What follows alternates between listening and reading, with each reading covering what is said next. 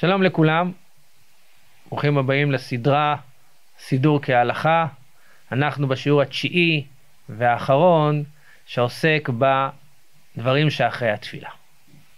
אנחנו מסיימים את התפילה בתחנון ובאשרי ובא לציון, ואז אנחנו אומרים קדיש שלם, קדיש תתקבל, שבעצם אנחנו מבקשים שתפילתנו כולה תתקבל.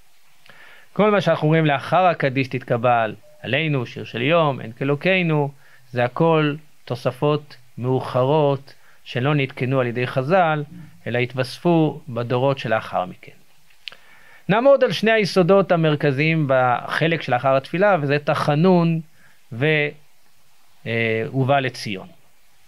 הרמב"ם בהלכות תפילה מדבר על זה שיש חמישה דברים שמעכבים את התפילה, ויש שמונה דברים שהמתפלל צריך להיזהר בהם. יש חמישה דברים שמעכבים, שאדם עדיף שלא יתפלל מאשר לא יקיים אותם.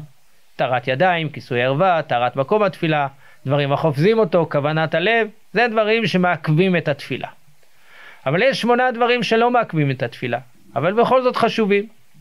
עמידה, נוכח המקדש, תיקון הגוף, תיקון המלבושים, תיקון המקום, השוויית הכל, הקריאה, והדבר האחרון, השתחוויה. מסביר הרמב"ם, השתחוויה כיצד? אחר שמגביה ראשו מקריאה חמישית, ישב לארץ ונופל על פניו ארצה ומתחנן בכל התחנונים שירצה. אומר לנו כאן הרמב"ם יסוד חשוב שהראשונים האחרים חולקים עליו, חידוש הרמב"ם מביא לנו פה, שתחנון זה חלק מהתפילה. תחנון זה אחד משמונה דברים שהמתפלל צריך לעשות, אבל הם לא מעכבים את התפילה. התפללנו, עמדנו בפני הקדוש ברוך הוא, עמדנו, קראנו, כל הדברים הללו עשינו בתפילה. אבל יש עוד דבר, השתחוויה. השתחוויה ביסודה היא פישוט רגליים, פישוט ידיים ורגליים. אדם עומד בפני, אה, אדם אה, אה, שוכב על הרצפה עם ידיים, עם ידיו ורגליו פרוסות, והוא מתחבר לרצפה ואומר, ריבונו של עולם, הרי אני כאין וכאפס לפניך, אני חלק מהאדמה, נמלה שבסך הכל מסתובבת על גבי הקרקע. וזה חלק מהתפילה. חלק יסודי בתפילה, אחרי שעמדנו לפני המלך, אנחנו גם משתחווים לו ואומרים לו, ריבונו של עולם, אין לנו משלנו כלום, אנחנו לא קיימים בכלל לעומתך, ואם אנחנו מקיימים זה רק בזכות זה שאתה מקיים אותנו. השתחוויה הזו, התחנון הזה שאנחנו אומרים, אנחנו לא עושים את זה בצורה כזאת, אנחנו עושים את זה בצורה אחרת, רק, רק אה, פונה, אה, מטה פניו, לא ממש השתחוויה, אלא השתחוויה סמלית יותר, אבל ביסודו של דבר יש פה השתחוויה שבה אנחנו מכריזים על אפסיותנו לעומת גדלותו של הקדוש ברוך הוא, וככה אנחנו מסיימים את התפילה, וזה חלק מהותי בתפילה, זה חלק מהתפילה. ראשונים אחרים לא מבינים שהתחנון זה חלק מהתפילה, מבינים שזה רק איזה תוספת שאומרים אחרי התפילה, אבל זו שיטת הרמב"ם שאמירת תחנון זה ממש חלק אינטגרלי מהתפילה, אנחנו מתפללים בעמידה, אנחנו מתפללים בקריאה, ואנחנו גם מתפללים בהשתחוויה.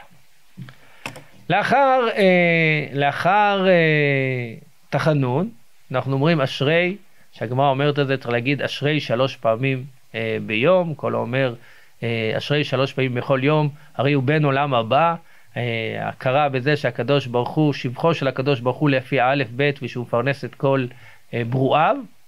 ואחרי זה אנחנו אומרים, אה, ובא לציון, מה שנקרא בלשון חכמים קדושה דה סידרה. למה אנחנו אומרים קדושה דה סידרה? אז אומרת המשנה בסוטה, משחרב בית המקדש אה, קרו כל מיני דברים, ובסוף רשב"ג אומר, העיד רבי יהושע, מיום שחרב בית המקדש אין יום שאין בו קללה. והגמרא מוסיפה, אמר רבא, ובכל יום מרובה קללתו משל חברו. חיסרון המתמשך של החורבן גורם לקללה גדולה ומתגדלת. ואז שואלת הגמרא, טוב, אם כל יום הקללה מתגדלת, אז עלמא, מה מקיים? מה מקיים את העולם? עונה הגמרא, קדושה דסידרא, ויש מרבה דאגדתא. אמירת קדושה דסידרא והיש מרבה דאגדתא, שניהם הם אלה שמקיימים את העולם. מסביר רש"י, מה זה קדושה דסידרא? סדר קדושה שלא תקנוה, כל מה שאנחנו רואים ובא לציון, אלא שיהיו כל ישראל עוסקים בתורה בכל יום דבר מועט, שאומר קריאתו ותרגומו, ואין כעוסקים בתורה.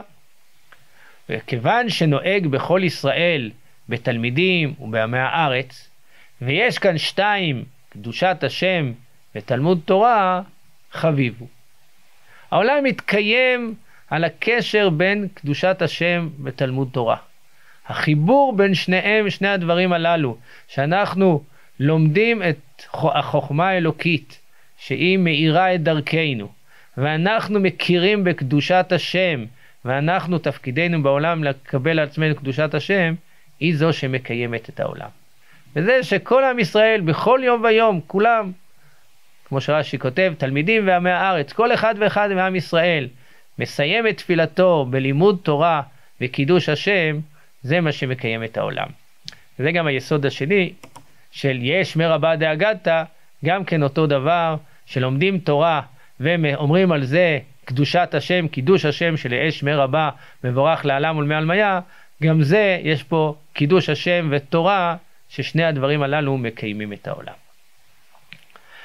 אז זו הסיבה שאנחנו מסיימים את התפילה, התפילה שלנו בכל יום, ובא לציון, שבעצם יש פה גם אמירת תחנונים, אבל אמירת תחנונים, ואמירת תחנונים הזאת מצטרפת לתחנונים של, שאמרנו בשתחוויה בתחנון, אבל יחד עם התחנונים הללו שבא לציון, יש לנו גם לימוד תורה עם קידוש השם, שזה מקיים את העולם.